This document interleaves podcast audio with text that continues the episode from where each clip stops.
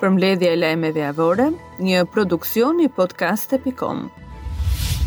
Përmbytja në zonën e Shkodrës, sipas kreut të Partisë Demokratike Sali Berisha, nuk erdhi nga dora e Zotit, por nga dora e njeriut. Mes njerëzve të cilët uji ka vërshuar banesat e tyre, kryedemokrati akuzoi drejtpërdrejt ministren e infrastrukturës dhe energjisë, Belinda Balluku për përmbytje të qëllimshme. Berisha doli në konkluzionin se situata me të cilën po përballen sot shkodranët është krim në bashkëpunim pasi korporata elektroenergjetike nuk njoftoi asnjë zyrtar lokal për pasojat katastrofale që do kishin nga shkarkimi i ujit. Më shumë se 150 hektar tokë bujqësore është në pushtetin e ujit në njësinë Bubq të Krujës. Për shkak të reshjeve intensive të shiut, lumi Ishëm doli nga shtrati dhe vërshoi mbi tokat bujqësore, por edhe drejt 10 banesave buzë lumit, të cilat rrezikuan nga uji. Gjatë mesditës, intensiteti i shiut ra dhe lumi u rikthye në shtratin e tij, por pasojat e përmbytjeve vijuan të qëndrojnë ende. Nga përmbytjet rreth 2500 hektarë tokë janë nën ujë në Shkodër. Situata problematike paraqitet në zonën Guri i Zi në fshatin e Kuçit, aty ku njëzet familje janë evakuuar, ndërsa rreth dyqind e pesëdhjetë banesa janë rrethuar nga uji. Nga reshjet e shiut dhe shkarkimet e hidrocentraleve, kemi edhe fshatra të izoluar. Autoritetet shqiptare e kanë shkarkuar nga detyra oficerit të Patrullës së Përgjithshme në postën e Policisë Shëngjin në Komisariatin e Policisë Lezhë, pasi është arrestuar në Itali. mbi njëzet e shtatë vjeçarin me iniciale KN, i cili është arrestuar nga organet ligjzbatuese italiane për veprën penale vjedhje. I riu ka marrë leje në punë pa të drejtë page, leja është miratuar nga shefi i tij për dalje jashtë shtetit, ku i riu ka kërkuar për arsye shëndetësore. Departamenti i Marrëdhënieve Ndërkombëtare në Policinë e Shtetit në kuadër të bashkëpunimit dhe shkëmbimit të informacioneve me homologët me qëllim parandalimin dhe goditjen e krimeve dhe të paligjshmërisë në përgjithësi, Ka marrë njoftimin se shtetasi me iniciale KN, njëzet e shtatë vjeç, me detyrë oficer i Patrullës së Përgjithshme në Postën e Policisë Shëngjin, në Komisariatin e Policisë Lezhë, ishte arrestuar në organet ligjzbatuese italiane për veprën penale vjedhje. Menjëherë pas njoftimit të marrë nga homologët italianë, Drejtori i Përgjithshëm i Policisë së Shtetit, ka firmosur përjashtimin nga Policia e Shtetit të punonjësit të policisë me iniciale KN. Gjykata kundër krimit të organizuar vendosi një tjetër sekuestro në tokat e Gjirit të Lalzit që dyshohet se u tjetërsua përmes një skeme të mirëfilltë kriminale. Sipërfaqja prej 203.100 metër katrorë në fshatin Shetaj, U bllokua me kërkesë të spak që po heton për korrupsion, falsifikim dhe grup kriminal pas ekspertizës në një telefon ku dolën në skenë pazaret për të mos apeluar një çështje.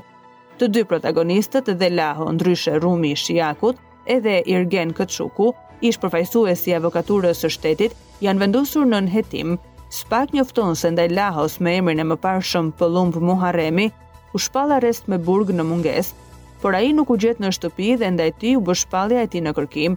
Në të njëjtin verdikt u dha masë arrest shtëpie edhe për ish-zyrtarin e dyshuar për korrupsion, materiali që u bë shkak për hetimet e zbërthyera nga telefoni i Rrumit pas atentatit pranë mbikalimit të Shkozetit ndaj ish-prokurorit Arjan Ndoja, ku mbeti i vrarë shoferi i tij Andi Maloku, një ngjarje pas të cilës Rrumit iu sekuestrua telefoni. Rrumi i Shijakut ishte shpallur në kërkim edhe gati një muaj më parë pas rrëfimit të vëllezërve Beqiraj për disa ngjarje në Durrës. Sakaq, spak ka hapur edhe një dosje tjetër për skemën e tjetërsimit të tokave në gjirin e Lalzit, ku sërisht rezultojnë të sekuestruara përmbi dyqind metra katrorë tokë.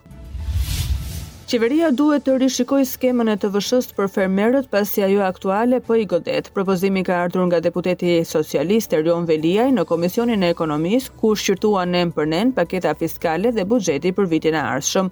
Por ai së bashku me propozime të tjera të deputetit janë hedhur poshtë pasi nuk kanë gjetur asnjë mbështetje të mazhorancës. Kritika të ashpra Braçe pati edhe për mbështetjen e ulët buxhetore ndaj bujqve.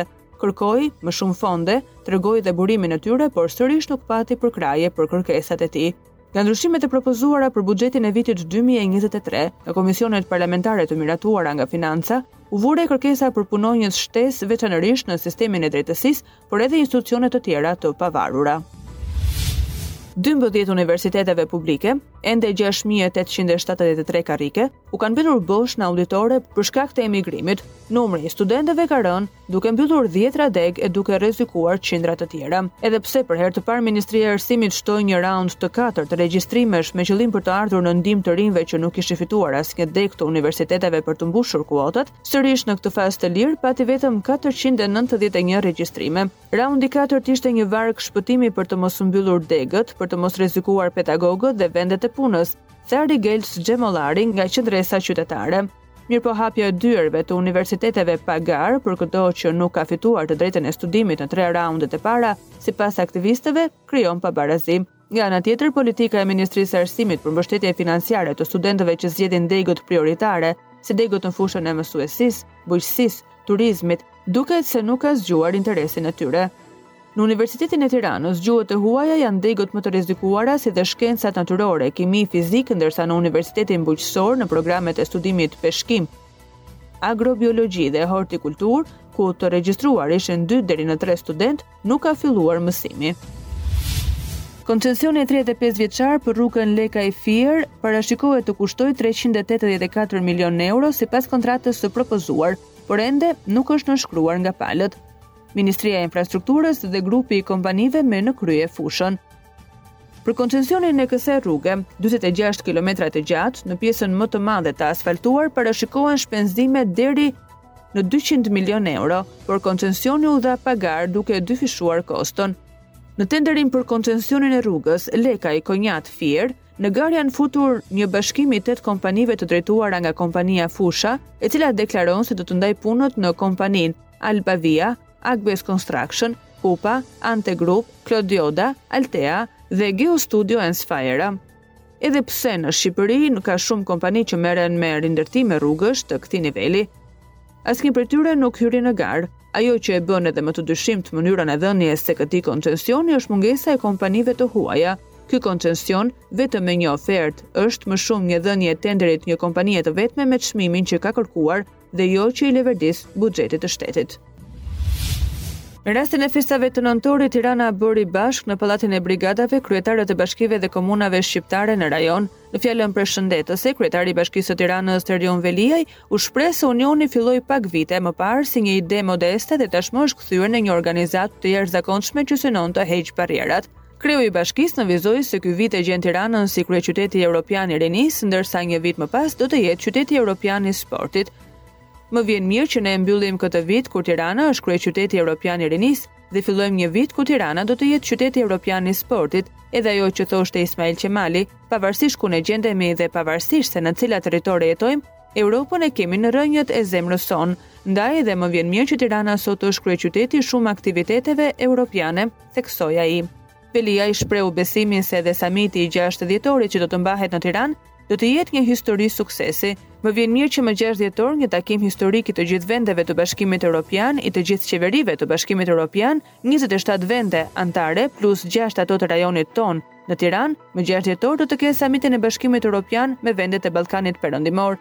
dhe do të hyjmë në histori si hera e parë ku e gjithë Europa në vendin tonë, që ndoshta ishte historia më e vështirë për të mbijetuar, do të jetë një histori suksesi dhe me shumë shpresë anëtari i ri i Bashkimit Evropian, deklaroi Veliaj.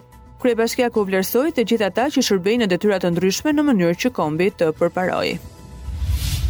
Megjithëse nga viti në vit ka ulje, Shqipëria vijon të ketë një numër të madh aksidentesh dhe viktima të shkaktuara nga këto. Referuar analizës nëntëmujore të Policisë Rrugore, rezulton se në vend janë shënuar tetëqind e tetëdhjetë e katër aksidente ku janë humbur njëqind e njëzet e dy jetë personash.